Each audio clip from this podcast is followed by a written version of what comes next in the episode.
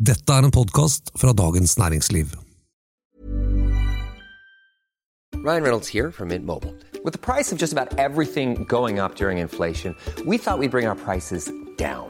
So to help us, we brought in a reverse auctioneer, which is apparently a thing. Mint Mobile unlimited premium wireless. Ready to get 30, 30, bit to get 30, bit to get 20, 20, 20, bit to get 20, 20, bit to get 15, 15, 15, 15 just 15 bucks a month. So, Give it a try at mintmobile.com slash switch. $45 upfront for three months plus taxes and fees. Promo rate for new customers for limited time. Unlimited more than 40 gigabytes per month. Slows. Full terms at mintmobile.com. Du, nå skal jeg få vaksine snart. Seriøst, er du så gammel? Hei og velkommen, kjære lytter, til nok en utgave av denne podkasten 'Jeg kan ingenting om vin'. Og velkommen til deg, nesa på Høvik, Merete Bø. Tusen takk. Det går sakte, men sikkert mot uh, sommer og sol. Nå er det vel mange som begynner å lengte etter å drikke vin ute i frisk luft. Og derfor tenkte vi at det passer perfekt med en episode om en frisk hvitvin eh, med en drue som vi til nå ikke har pratet så mye om, nemlig Albarinho, eller Alvarinho, litt avhengig av hvilket land den dyrkes i, men det er den samme druen. Så hvorfor vil denne druen passe så godt på terrassen, Merete? Altså, Jeg liker ikke å snakke om terrassevin og allround-vin, og sånne ting, for hva er det? Det er så forskjellig. Men hvis det er noe som er da, så er det kanskje akkurat den her, Albarinho eller Alvarinho, alt etter som, eh, som kanskje kan sånn lett fordøyelig til mye mat som en sitter og eter ute, og uten at det liksom krever så mye av deg. da. Ja, Jeg må tenke på en ting også. Temperaturen ute påvirker vinen veldig. så Hvis det er veldig varmt ute og du er litt treig med å drikke, så blir vinen veldig varm. og Hvis det er litt kaldt ute, så blir vinen veldig kald. og Dette er jo en vin som tåler litt av den temperatursvingningen. Det er liksom ikke sånn prekært. Og du sitter ikke med en kjempedyr vin i glasset heller som fortjener din fulle og hele oppmerksomhet. altså Den heter da både Albarinho og Alvarinho. Albarinho heter han i Spania. Eh, hovedsakelig så kommer han da fra et område som heter Galicia, som ligger i nordvest-Spania ut mot Atlanterhavet. Og da gjerne mest kjent fra området for, som heter Rias Beixas. Og så Rett over grensa for Rias Beixas, så ligger Mino i eh, Portugal. Og i Mino så er det den største vinregionen i Portugal, fins der, utrolig nok, og den heter Vino Verde. Vino Verde har eh, flere druer, men hovedsakelig Alvarinho, da, som er den portugisiske måten å si druenavnet på og skrive Da. Så det er samme drue, på to forskjellige plasser.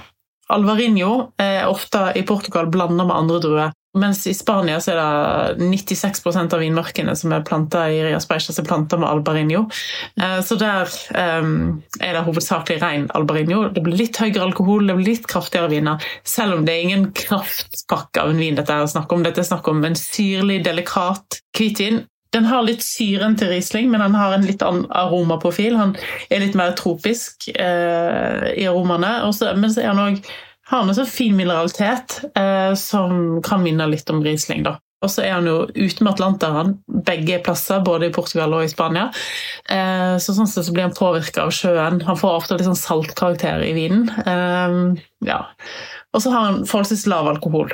Og så har han òg en tendens til å bli ganske gammel i vinmarkene. Sånn at vinmarkene kan være ganske bra. Så eh, Albarino er faktisk en av de eldste står bak en av de eldste vinmarkene i verden, som er 300 år gammel. Det du sier med at eh, vinstokkene blir gamle, det høres ut som en veldig god ting med denne druetypen, fordi at når vinstokkene blir gamle, så blir jo røttene De går da langt ned og klarer å hente ut mye mineraler og eh, smaksstoffer fra terroiret.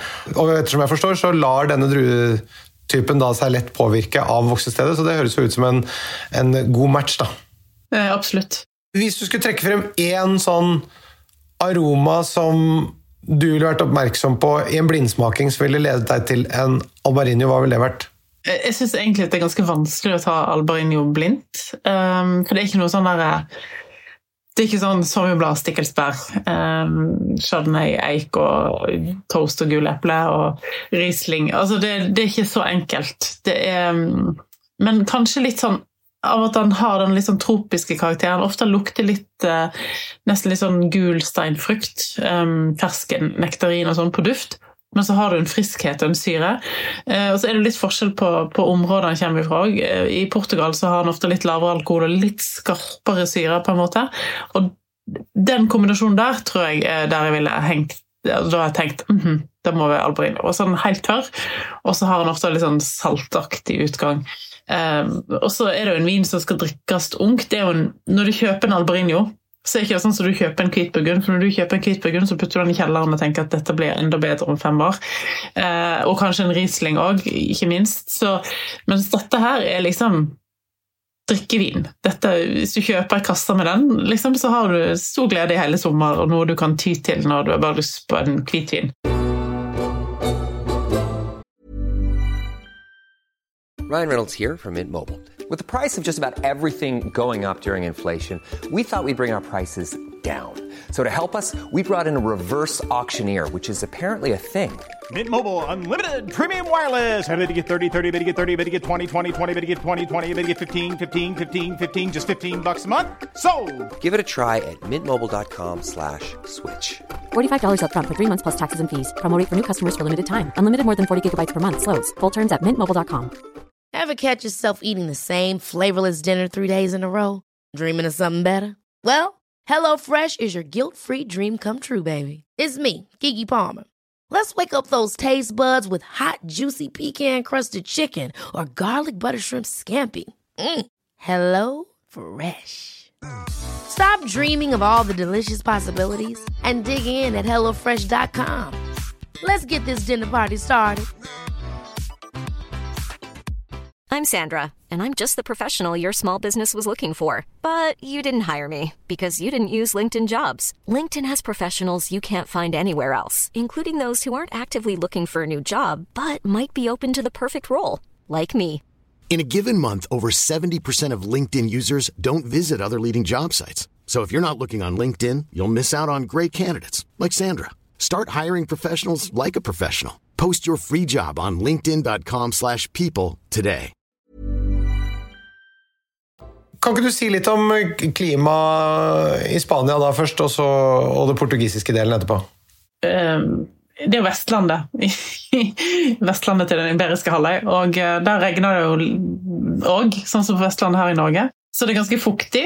Eh, I Portugal så er det ganske sånn fruktbar jord, så de har slitt veldig mye overproduksjon av druer. Um, og begge plasser så sliter de veldig mye med råte, fordi at regnet skaper så mye problem. Det de har gjort, er å binde druene opp på en måte som vi kaller for pergola. Alle vet kanskje hva en pergola er, for dette der kan du få kjøpt og ha ute på terrassen. Så det vil si at du bygger druestokkene opp i høyden, så du står og plukker de eh, over hodet ditt. Eh, og Grunnen til det er at da får ikke druene fukten fra bakken, og ergo råten fra bakken, som når druene henger normalt sett ganske lavt mot bakken.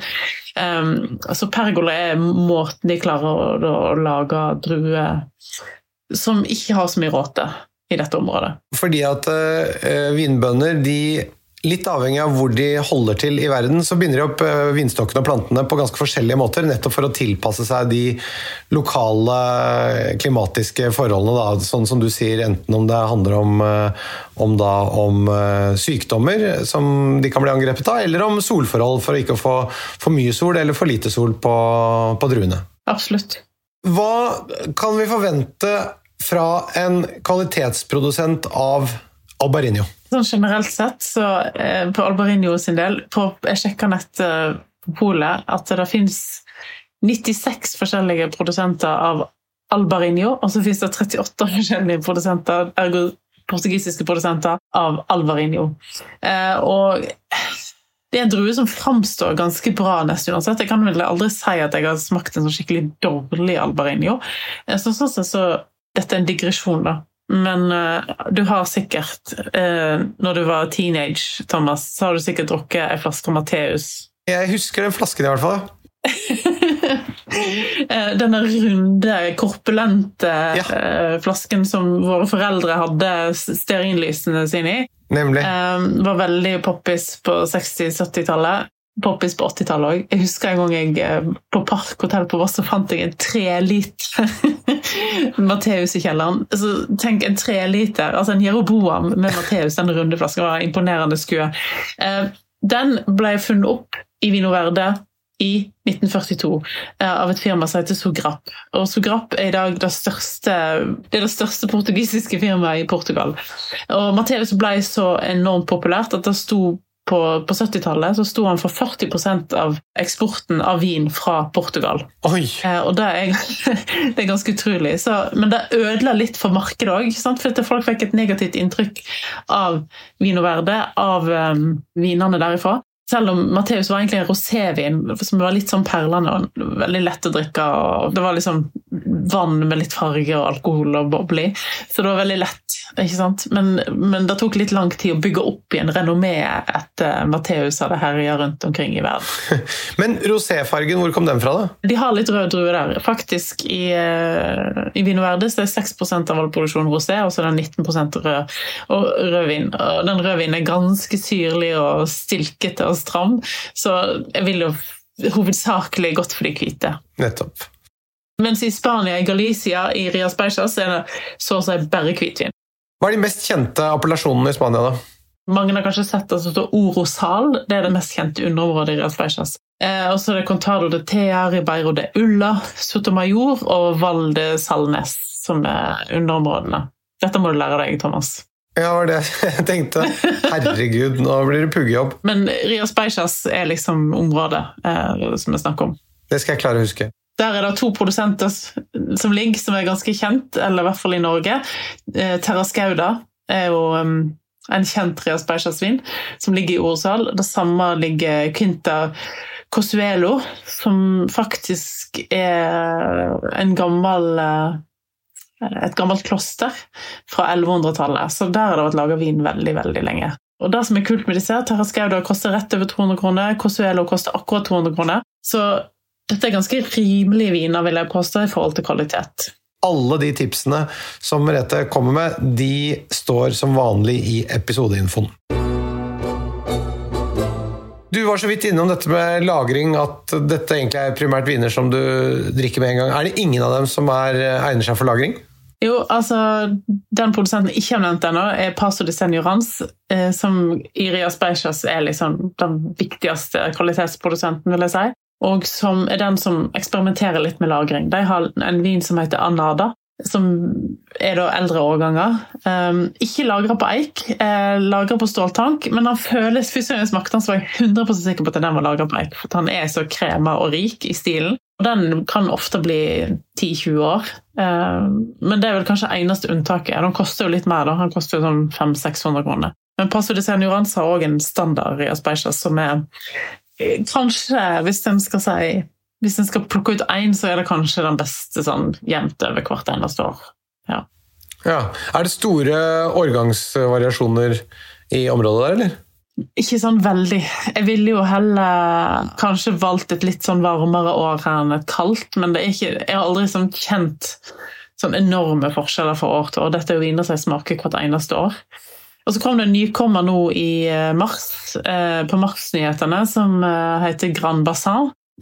Som òg en sånn tradisjonell spansk eh, Rias Baixas-etikett som jeg syns var helt fantastisk. Så, så, det er en vin som som òg jeg ville testa ut, hvis en har lyst til å prøve noe annet enn akkurat disse tre. Er det en flaske som du da først og fremst selger i en sånn lysestake, eller er det, eller er det også innholdet? Nei, her er innholdet. Innholdet er veldig bra, først og fremst.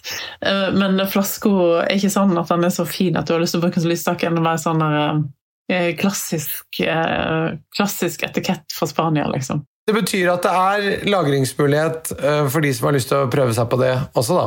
Mm. Hva er godt å spise til deg hvis du vil ha den til mat? Hvis vi forholder oss i Spania først og fremst, da, så syns jeg at den fylden som en alberinio her har, så syns jeg er veldig god sånn, til forskjellige typer salater, til um, ikke minst til fisk og skalldyr. Ja. Så du kan tenke liksom skalldyr som tapas, liksom. altså Litt sånn fingermat så du sitter bare og mm, gomler. Eh, skjell som er nydampa reker og kreps og, og, sånne ting som har vært på grillen i noen sekunder, som er litt sånn kjem, litt, litt varme for grillen når du sitter og, og eter rett fra skallet. er jo helt fantastisk godt. Eh, gambas, reker ja. Og med litt olivenolje, og du tåler litt chili og litt hvitløk og sånn også, her, da, i og med at det er lav alkohol og sånn? Ja, ja. Eh, og du tåler litt aioli kanskje, og litt brød til. og ja. Men så må jeg jo nevne den portugisiske. da. Den portugisiske albarinioen, som er da litt sånn i mindretall i Norge. Alvarinioen, var det ikke det? Ja, den portugisiske alvarinioen. Og eh, de er litt lettere i alkoholen, og har av, i og med at de er blanda med litt andre druer, så har en litt annet bruksområde òg. Så hvis en er en tilhenger av bacalao, i Norge så spiser vi ofte den med tomatsaus og oliven. og sånne ting. Jeg er ikke så veldig glad i den varianten. Jeg digger den portugisiske varianten med olivenolje, med løk og med poteter til. Eh, og den varianten der, sammen med en, eh, en vino verde, er helt fantastisk. Veldig god matvin. Veldig god kombinasjon. Ikke den tomatiserte bacalaoen, men med da løk og paprika også, eller? Eh, ja, gjerne sånn brent paprika å sette av skinner på, liksom. Ja. Nettopp. Og, og potet og, og fisken. Mm. Og så olivenolje og vin og verde. Og de, jeg antar at de, da, de grønne tonene i olivenoljen og eh, den eh, hva skal vi si for noe, grønnere stilen på, på vinen, at det er en bra match sånn aromamessig. da. Mm. Det hørtes veldig godt ut.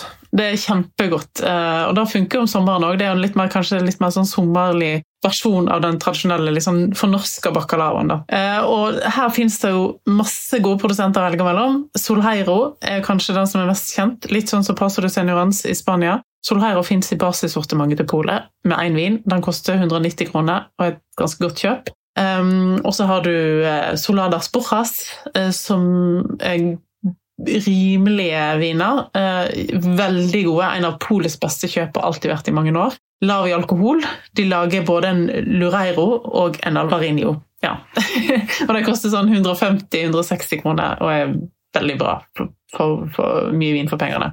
Quinta da Lima, Quinta Dom Ameal er òg veldig bra produsenter, og sammen med Moncao, som er en veldig bra produsent. Og så har du jo sånne kjente portugisiske vinprodusenter som uh, Dirk van Niport, som lager en egen uh, vinoverde som heter vel Sol. Og så har du Louis Chebra, som var tidligere vinmakeren til Dirk Niport, som har en egen òg. Den er utsolgt for øyeblikket på polet, så jeg. Men uh, veldig bra, den òg. Dirk Niport er jo kanskje først og fremst kjent for portvinene. Ja, men så var han jo òg en av de første som virkelig satsa på stillevin fra Durodalen. og nå er han jo spredd seg utover hele Europa. Så han lager vin i Østerrike og i Tyskland og i Spania. og Ja da. Portugals Petter Stordalen? Ja, ja, litt sånn. Eh, men ikke så, ikke så spretten. ikke så spretten, nei. nei. Jeg skjønner. Du vil gjerne trekke frem noen ting som er ulikt òg. Ja. Men du, hva slags glass skal vi bruke til albarinion? Nei, Jeg synes jeg bruker stort sett uh, et Riesling-glass, altså et standard hvitvinsglass. Uh, hvis du har drukket den litt eldre utgaven til Paso de Senorans, Anada, så uh, kunne jeg godt gått for et litt større chardonnay-glass, men det er kanskje det eneste som trenger det. Resten så bruker jeg et standard vinglass, standard Riesling. Her tenker jeg nettopp at uh, Når du sier Riesling-glass, så kan vi slå et slag for universalglassene. Jeg må si både Salto Universal Jeg har prøvd også det Jancis Robinson mm. uh, universalglasset nå, som jeg syns er kjempebra. De er veldig fine glass fremfor et rent Riesling-glass. Er ikke det noe vi kan slå fast? Jo, veldig for Av og til, så, sånn som på hytta, eller kanskje noen har en liten plass i skapet hjemme eller ikke har interesse av mange forskjellige glass, så er jo et sånt universalglass veldig sånn fint. Det passer til det meste. Du kan drikke rødvin, hvitvin, champagnen din i det uten at det blir helt feil. liksom. Så, ja. Og jeg syns nesten at de er bedre enn et Riesling-glass til Riesling. Ja, ikke sant? For de er litt større. Ja, for jeg syns de Riesling-glassene er av og til bitte litt trange. Er det, er det, feil å si? Nei, de kan jo bli litt, kanskje litt små, ja. Jeg er enig da. Særlig hvis Rieslingen er litt eh, moden, og sånn, så trenger han litt mer plass. Ikke sant? Så da er de universalglassene, som man da i tillegg kan bruke til veldig mye annet, er, er gode alternativer. Helt til slutt så pleier jeg å spørre om du kan anbefale en til under 200, men det har du jo allerede gjort, så det står etter her. Så, men eh, da kan jeg spørre deg, hva er den dyreste albarinioen du får tak i? Jeg tror nok det er Paso du Senioran sin Anada, ja. Den koster vel eh, litt forskjellig fra årgang til årgang, men rundt 500 kroner. Ja. Fra 160 til 500 kroner. Det er spennet i dag, folkens. Ja. Hvis du har spørsmål eller kommentarer, ros eller ris, send oss en mail på vin.dn.no. Og hvis du liker podkasten vår og har lyst til å høre på den fast, eller få en påminnelse, så trykk på abonner, så kommer den til deg inn i spilleren din uten at du behøver å tenke på det. Denne podkasten er produsert av Feelgood for Dagens Næringsliv. Takk for i dag. Takk for deg. Gratulerer med vaksine. Jo, takk. Det gleder jeg meg til. Da tenker jeg. Kommer de hjem til deg alle? Jeg skal sykle bort uten henda på styret.